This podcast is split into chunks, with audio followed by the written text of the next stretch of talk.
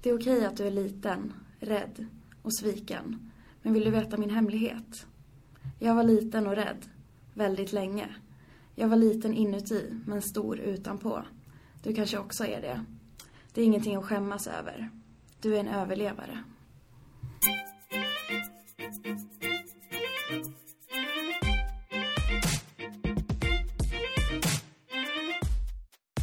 Eh, men sen så kom jag till ett, eh, ett behandlingshem eh, med inriktningen kriminalitet och eh, drogmissbruk. Eh, så att jag var där med, med typ tio män. Och sätter man någon som ser sin enda trygghet i att sälja sex till män på ett behandlingshem med tio kriminella män så blir det inte bra. Det blir extremt skadligt och destruktivt. Så vad hände där? Nej men jag blev ju liksom inte, jag blev ju inte bättre. Ehm, och det säger sig lite själv att jag började ju ha sexuella kontakter med någon som bodde där. Eh, och det funkar inte alls liksom. Och det var ju, nej men det var ju så här, det var många manliga som jobbade där, i och med att de flesta kontakterna var med manliga klienter. Eh, vilket gjorde att, men där var jag bara var liksom, bara, men du vet så här, kom dit för att jag var anorektisk. Ehm, så att det var... Så att anställda utnyttjade också dig? Nej, utan bara de som bodde där. Okej. Mm. Eller bara. Men... Ja. men så samhället failade igen. De, de sätter alltså en anorektisk barn ja. på ett hem för drog, Ja. eller vad sa du, missbrukande och Ja. kriminella män. Mm. Och det var, det var det, det bästa stället de hade kunnat sätta dig på. De kände nog det. För att de tyckte att det var inte så långt från, från familjehemmet. Det var ju bara 11 mil liksom. Det Då var inte så känner- långt i distans. Ja, nej, de bara, då känner hon någon liten typ av så här, trygghet i området. Alltså, var det någon som frågade dig vad du ville i allt det här? Nej, jag fick veta det här dagen innan. Och bara, imorgon ska du ha packat dina grejer. Du måste härifrån. Um, Hur fan orkade du?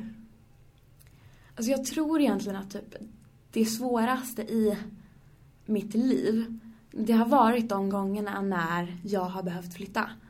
För att det har aldrig varit en planerad process. Det har alltid varit så här, dagen innan så här, okej men nu ska du dra. Nu ska du dit. Ibland samma dag så här, okej nu ska du flytta. Ehm, så det har varit det mest eh, ja, men kontraproduktiva i mitt liv. Eh, för att är man på en plats och börjar bli trygg där och gör framsteg och sen från ingenstans så bara är man på en ny plats. Ehm, Så Den lilla trygghet du hade, den tog de varje gång de Ja, flyttade på varje dig? gång. Um, vilket gjorde att jag trillade tillbaka varje gång. För att det gick ju jättebra på det stället jag var på liksom.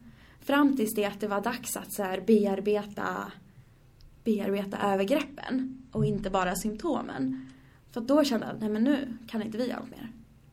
Nu får vi panik. Eller... Och då skickade de bara vidare? Ja.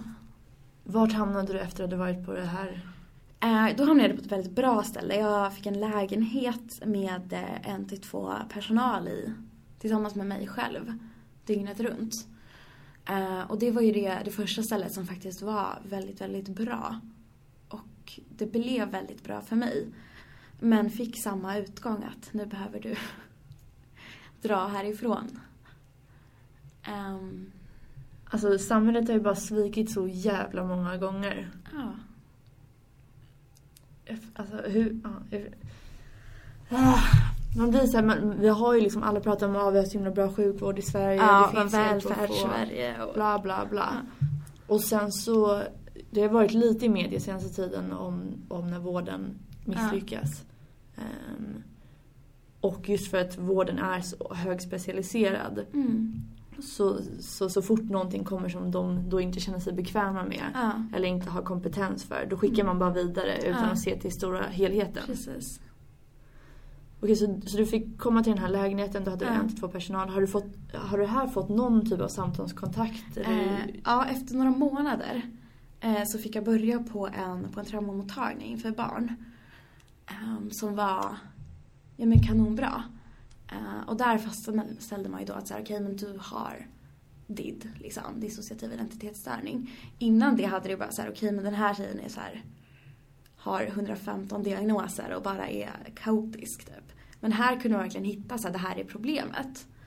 Och då började ju alla förstå mig också. Eh, så det här var ju egentligen första gången som jag blev förstådd. Gud, det är lättare för jag tänker att både ätstörning och självskadebeteende mm. och det att du eh, förstörde saker när du var yngre. Att det är ju ett sätt att kanske kommunicera någonting som du inte kunde sätta ord på. Ja. Eh, men kunde du börja prata med de här personerna när de började erbjuda dig en förståelse? Ja, jo, men det kunde jag göra. Um, och jag kände mig väldigt, väldigt trygg där.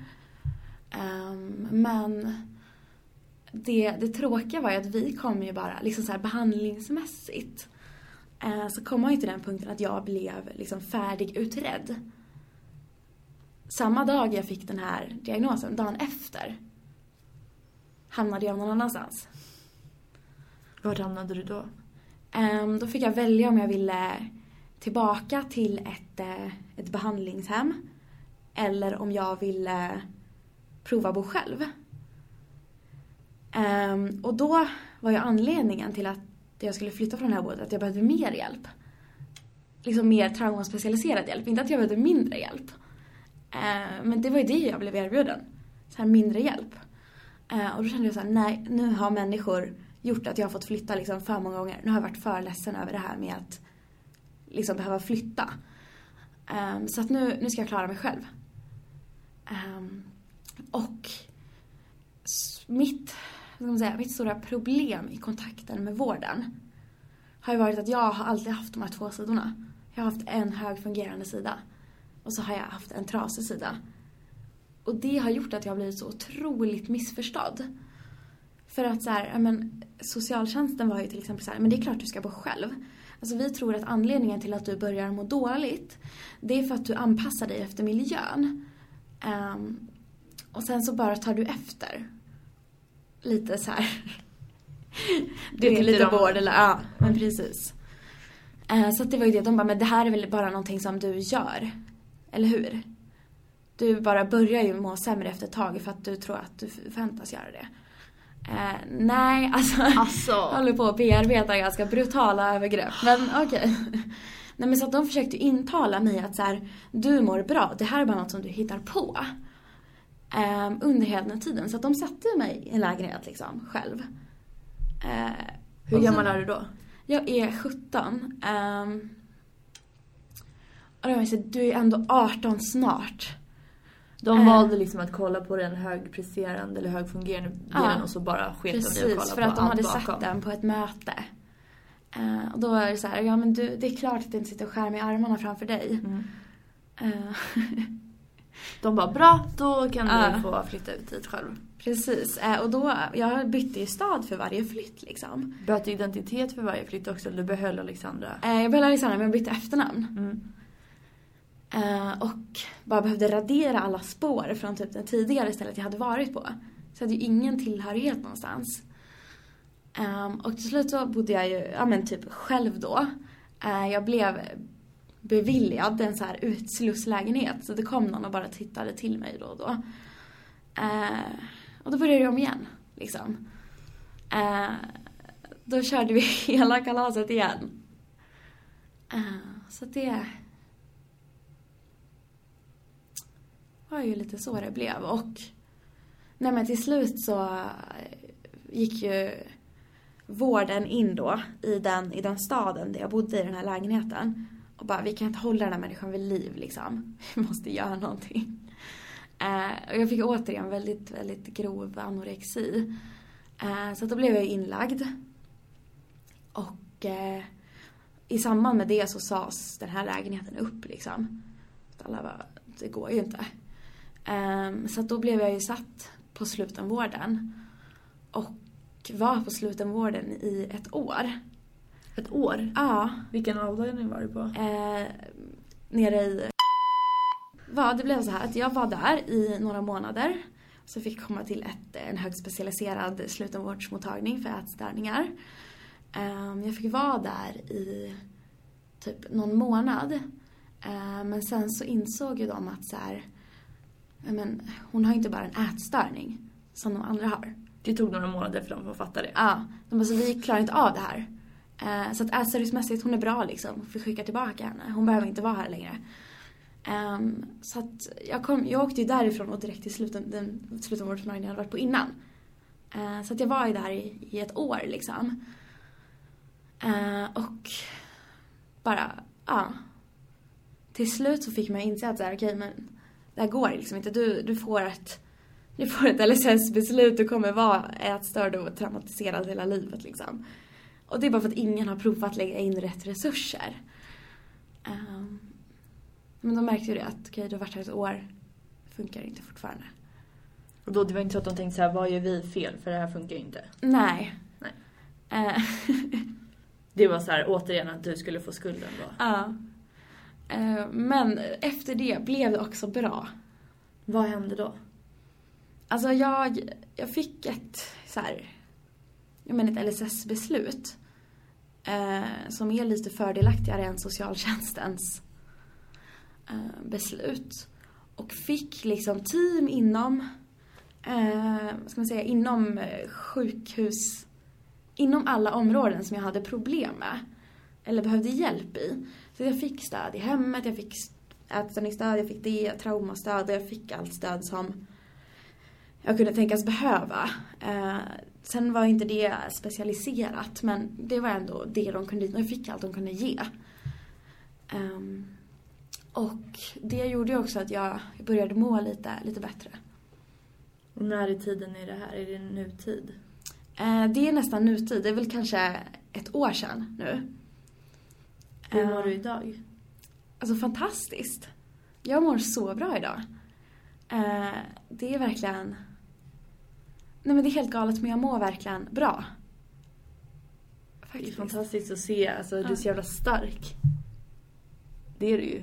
Ja. Och hela, alltså du har ju, det är ju bara du som har klarat dig igenom det här. Det är ju inte de här försöken till, jag vet inte vad vi ska kalla det, stöd men ja. Nej.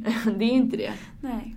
Um, men så idag bor du ju, får jag säga? Ja, jag bor ja. i Stockholm. Ja, jag vet inte vad som ja. är skyddat. Är du, är du rädd att någon från ditt gamla liv ska dyka upp?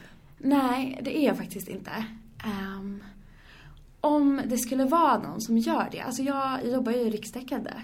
Och det är klart, man kan liksom inte leva ett helt liv utan... Alltså någon gång kommer jag råka sätta på någon. Mm. Och det har ju liksom hänt. Uh, men det blir istället så att jag kan ta tillbaka lite där. Du, du vet att det är olagligt att köpa sex av ett barn. Eller det är olagligt att köpa sex överhuvudtaget. Du har pratat uh. med några av förövarna? Ja. Och sagt det? Vad säger de? Då, då ber de ju om ursäkt. Eh, det räcker ju aldrig.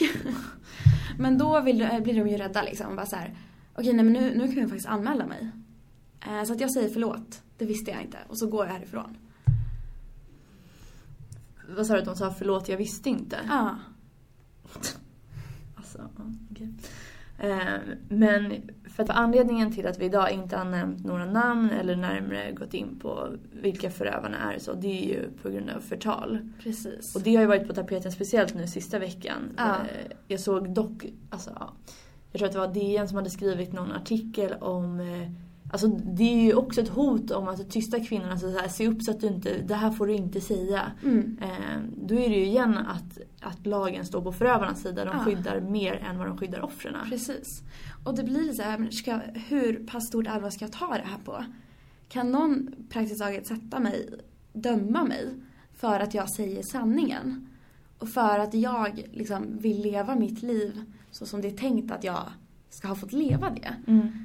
Det är ju helt sinnessjukt. Jag blir så fruktansvärt arg varje gång vi tar upp förtalsrisk. Vad är det man, vad är det vi inte får prata om utöver det som vi inte har pratat om så att säga? Tänk att man inte kan säga någonting som kan hänföras till någon specifik person. Eh, man kan ju inte säga riktigt så här. Men någonting, man ska inte kunna fatta att det här är mig liksom. Mm. Eh, och vi märker ju att, jag märker ju det i mitt jobb också, att det är ett enormt stort problem.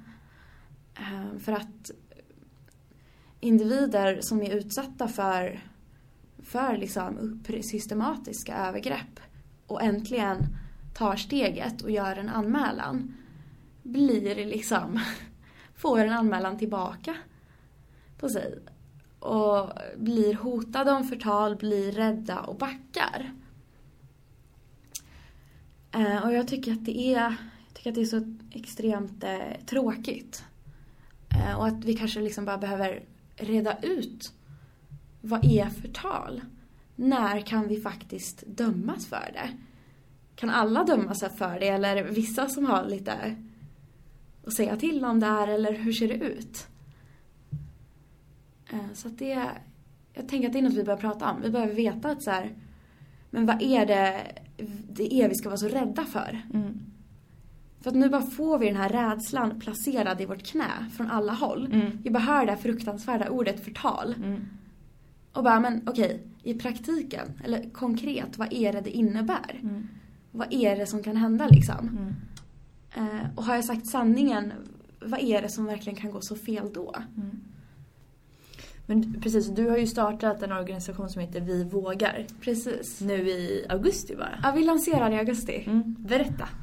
Eh, vi vågar är en ideell organisation som vänder sig till individer som lider av psykisk ohälsa och eller individer som varit utsatta för olika typer av sexuella övergrepp, hedersrelaterat våld och förtryck.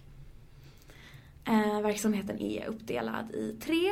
Eh, projektdel, stödverksamhet och ett ja, men, kompetenshöjande arbete. Ja, för du berättade det var väldigt intressant här precis innan vi spelade in med, vi pratade om kompetenshöjande eh, arbete och jag sa att till exempel på psykologprogrammet så har jag hittills inte fått någon utbildning alls Nej. om det här vilket jag nu liksom tycker är väldigt konstigt. Jag vet att det är så på de flesta andra utbildningar. Mm. Och då pratade du bland annat om tandläkare. Ja, precis. Eh, vi vet ju att tandläkare inte får någon typ av utbildning i övergreppsproblematik. Och övergreppsproblematik är lika med tandläkarskräck. Inte alltid, men det brukar vara ganska synonymt när någon söker hjälp hos oss för att gå till tandläkaren. Det brukar ju vara, jag är rädd för att gå till tandläkaren, då brukar det ligga ett övergrepp i bakgrunden. Eh, och jag minns att, om jag bara ska referera till mig själv, att jag vågade ju knappt borsta tänderna. För att det kändes ju som att jag blev utsatt för ett oralt övergrepp. Eh, och tandläkaren blev ju först arg på mig. För varför tar du inte hand om dina tänder? För jag hade inte vågat gå dit och så gick jag dit och tog med mig någon. Så blev hon bara så här arg liksom. Bara, men varför ser det ut så här? Eh, och när jag väl liksom, då gick jag ut med den som följde med mig och berättade liksom att okay, men du, jag har panik liksom. För, på grund av det här. Och då bara oj, jaha. Det finns ju. De hade liksom inte fått höra om, om hur de ska bemöta det? Nej, nej men precis. Mm. Uh. Så ni jobbar liksom kompetenshöjande, stöd uh. och i projektform. Projektform, vad betyder det? Ja, projektform betyder att vi fokuserar oss på olika delar av samhället lite i taget. Att vi kanske bara såhär, okej, okay, nu går vi in och storsatsar på att eh, se till så att eh, alla som möter ungdomar i psykiatrin får det här verktyget och den här utbildningen. Eh, och då tar vi in dem i projektform. Eh, allting som kommer in, alla projekt vi gör är kostnadsfria. Och deras mål är att de ska främja en, liksom, en viktig del av samhället i just frågan sexuella övergrepp. Så det som i alla fall jag har förstått av er, eller din, er eh, organisation är att ni vill finnas där på det sättet som har saknats hittills. Ja, precis. Eh, vi är väldigt individuella i alla våra kontakter med stödsökande. Eh, hos oss får man liksom en egen stödperson och så lägger man upp kontakten efter det behov man själv behöver. Eh, mitt mål och det som jag och den som jobbar tillsammans med mig alltid strävar efter är att alla stödsökande ska få ett heltäckande stöd. Oavsett om det innebär bara kontakt med oss eller kontakt med oss, socialtjänst och polis. Allt ska liksom vara högkvalitativt och fungerande. Hur funkar det om man vill få kontakt med er? Eh, man kan antingen mejla oss. Vad är mejladressen? Eh, info.vivagar Alltså så inte å utan ja. vagar? Eh, men enklast är att gå in på hemsidan. Vi vågar utan .com. Alltså vi vågar. Ja, vågar.com. Där finns all information.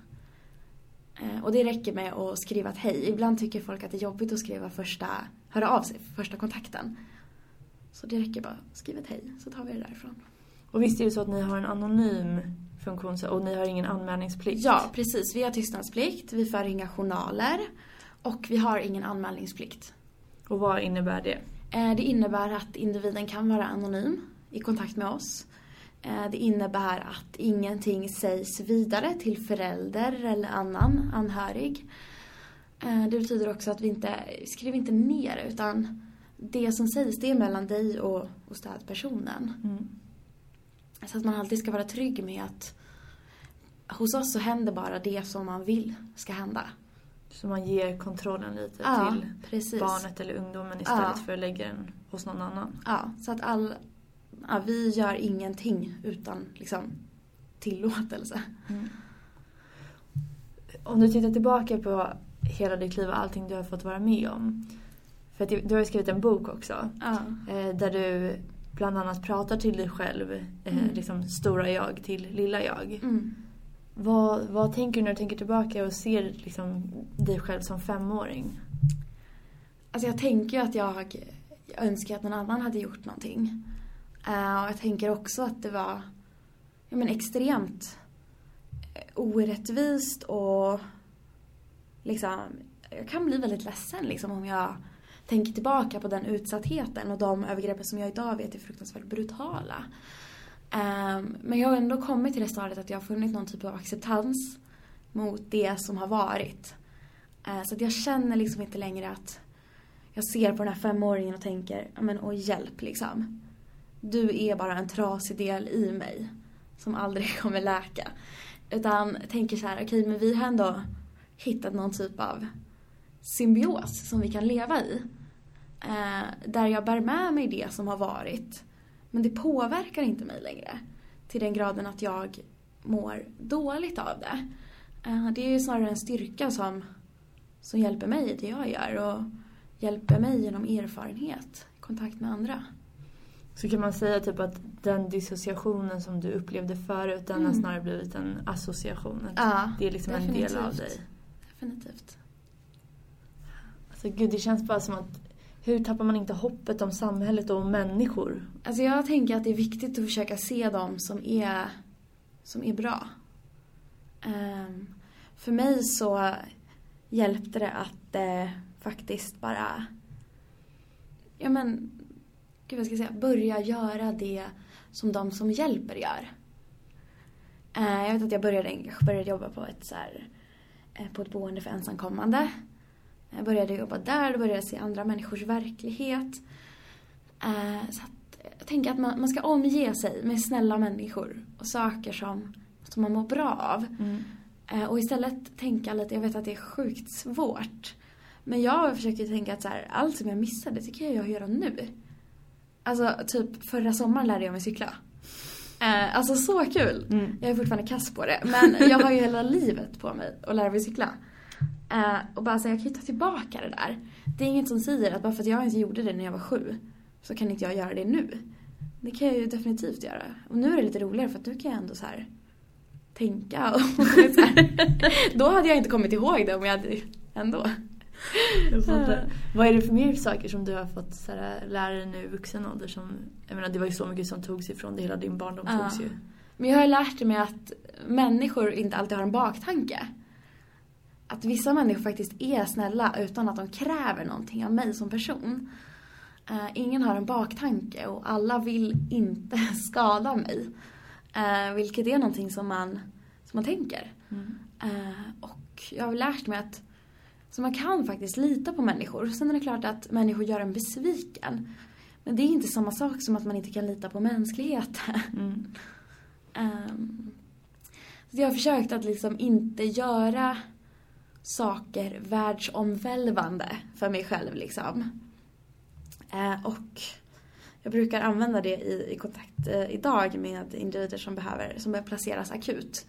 Att men man tycker att det är väldigt jobbigt liksom. Då brukar vi göra liksom att så här, okej okay, men vi, säger nu att du flyttar utomlands. Och sen så tar vi det därifrån. Att den här resan nu, dit du ska, du vet inte vart du ska, men dit du hamnar nu. Det är att du har flyttat utomlands. Och vad gör man då? Ja, men då lär man känna nya människor. Då går man runt och lär sig hur det ser ut omkring en. Man kanske lär sig nya ord, en ny dialekt. Eh, och det är så jag har försökt tänka. Att okej, okay, men istället för att jag ska liksom tänka att okej, okay, nu är jag här på en ny plats, nu ska jag börja skada mig igen. Så jag liksom bara, okej okay, men tänk att du bara flyttar utomlands. Den personen som flyttar utomlands, den går också igenom det här. Bara att den inte har en PTSD. Så att det är bara PTSD som är ditt hinder liksom. men vad heter det, vad, vad för relation har du till sex och närhet idag? Alltså jag jobbar ju med sex idag. Inte med att ha sex, men med att prata om sex. Eh, och det är inte någonting som är laddat för mig. Jag känner att jag har fått ett väldigt bra förhållningssätt till sex. Och hur jag ser på sexuella relationer. Eh, så att jag känner faktiskt att det är... Nu kan ju inte jag säga att det är helt återställt eftersom jag inte vet hur livet, hur det hade varit innan övergreppen. Men jag kan nog säga att det är så pass... Att jag tycker att det är sjukt bra liksom. Mm. Men om du tänker på, alltså jag... Eh, många gånger så pratar man ju om, alltså det är ju inte olagligt att sälja sex Nej. i Sverige men det är olagligt att köpa sex. Mm. Och så pratar man om, om prostitution som någonting som är självvalt och mm. att den här, jag lyssnade på en podd förut som sa lyckliga horan. Eh, Och att det är den största myten som finns. Mm. Eh, vad tänker du om folk som försöker höja det yrket, alltså prostitution? Fruktansvärt. Alltså fruktansvärt verkligen. Är, man är en enorm utsatthet. Oavsett anledningen till att man säljer sex. Um, det är ingen av oss som har en som har alla skyddsfaktorer och som har ett helt fungerande liv. Som bara vaknar imorgon och känner ja men jag ska börja sälja sex. Det är det eller ICA liksom. Ja men jag tar det här. Det, det, det går inte till så. Uh, och ingen människa, jag tror inte någon människa vill egentligen skada sig själv på det sättet. Men man kanske mentalt inte är där än att man förstår det. Mm. Vad vill du säga till de som köper sex? Eller som är del av sådana här nätverk. De som köper sex. Mm. Gud, eh, jag ska sätta dig i fängelse. Nej men alltså, tänker att man borde skämmas. Faktiskt. Alltså, um, och så tänker jag att vi... Nej men jag vet inte. Det är dubbelt. Jag har ju den här ilskan. Jag vill ju säga sätt dem i fängelse. Men samtidigt så kommer vi inte åt en förändring då. För att vi ska komma åt en förändring måste vi jobba preventivt. Vi måste jobba liksom innan det händer, vi måste jobba med behandling. Och då funkar det inte att vara arg på personen. Om någon ringer mig på jouren och säger att den är rädd för sina sexuella tankar eller att den har begått sexuella handlingar mot andra som inte är okej. Då kan inte jag i min profession säga att det är en jävla idiot, jag ska sätta dig i fängelse. Mm. Utan då är det så här, vad bra att du sökte hjälp liksom. Äh, nu ser vi till så att du får hjälp. Jag tänker att det är så vi behöver, vi behöver ta oss an det. För att vem hjälper det om vi blir, liksom, om vi blir arga? Det kommer inte minska antalet sexköp. Då skapar vi bara en distans istället. Och då kanske det blir ännu mer. Så jag tänker att vi behöver, även om det tar emot så behöver vi ändå hjälpa alla. Eh, för att se till att det blir någon skillnad. Och vad skulle du vilja säga till de som befinner sig i en situation som liknar den du har varit med om? Att inte, att inte tappa hoppet framför allt. Uh, och att det går att hitta en väg ut. Och det är jätte liksom, lätt för mig att säga som har gjort det. Lätt men, jag men det är ändå någonting som jag vill att man tar med sig. Att, man, att vi finns människor här omkring dig och er som faktiskt vill göra någonting och som är beredda att lyssna och lägga liksom allt vi kan på att det ska sluta vara så himla jobbigt. Um, så det är väl det jag skulle vilja säga att jag skulle vilja be någon att liksom orka lite, lite till och säga att vi faktiskt finns. hur kan man, om man vill anmäla, eller det kanske är ett väldigt stort steg att ta när man är i en sån komplex situation. Mm. Vad finns det för litet steg man skulle kunna ta? Ett litet steg man kan ta är ju till exempel att bara berätta. Eller att säga hej, öppna dialog. Um, om vi ger någon trygga vuxna, om vi ser ett barn som potentiellt kan vara utsatt, så kan ju vi säga att okej, okay, men du, du behöver inte berätta för mig allt på en gång nu, men jag finns här. Och om barnet känner sig tillräckligt tryggt, då kanske det kommer någonting. För då har man öppnat för dialog. Så att jag skulle vilja säga att så här, det första steget är att någon du litar på liksom, som du tänker att den här har ändå öppnat lite för dialog. Också att man kanske som medmänniska ska våga vara den personen. Ja, definitivt. Hur, om man är en person som misstänker att någon i sin närhet är utsatt eh, antingen för incest eller sexuella övergrepp. Mm. Hur kan man öppna för dialog med den personen som man tror är utsatt? Det är väldigt svårt beroende på vad man har för relation och sådär. Eh, men jag tänker att man kan, vi brukar i alla fall börja vid att så här, men du, jag ser att det kanske är någonting som inte är riktigt okej okay med dig. Ehm, om du vill prata så kan vi göra det mellan, ja men varje dag mellan 58. Då är jag tillgänglig, eller då kommer jag vara inloggad här. Ehm, så jag tänker att det är ett första steg, om det såklart inte är akut, för då behöver man kontakta någon annan än mig, det vill säga polis. Så att om det är någonting akut så är det polisen man vänder sig till? Precis, behöver man hjälp med att kontakta någon akut, men då kan man ju höra av sig till oss. Tack så mycket för att du ville vara med och tack för det fantastiska arbetet du gör. Ja, tack Och för att du finns kvar här hos oss efter allt du har varit med om. Tack. Ha det bra allihopa. Hejdå.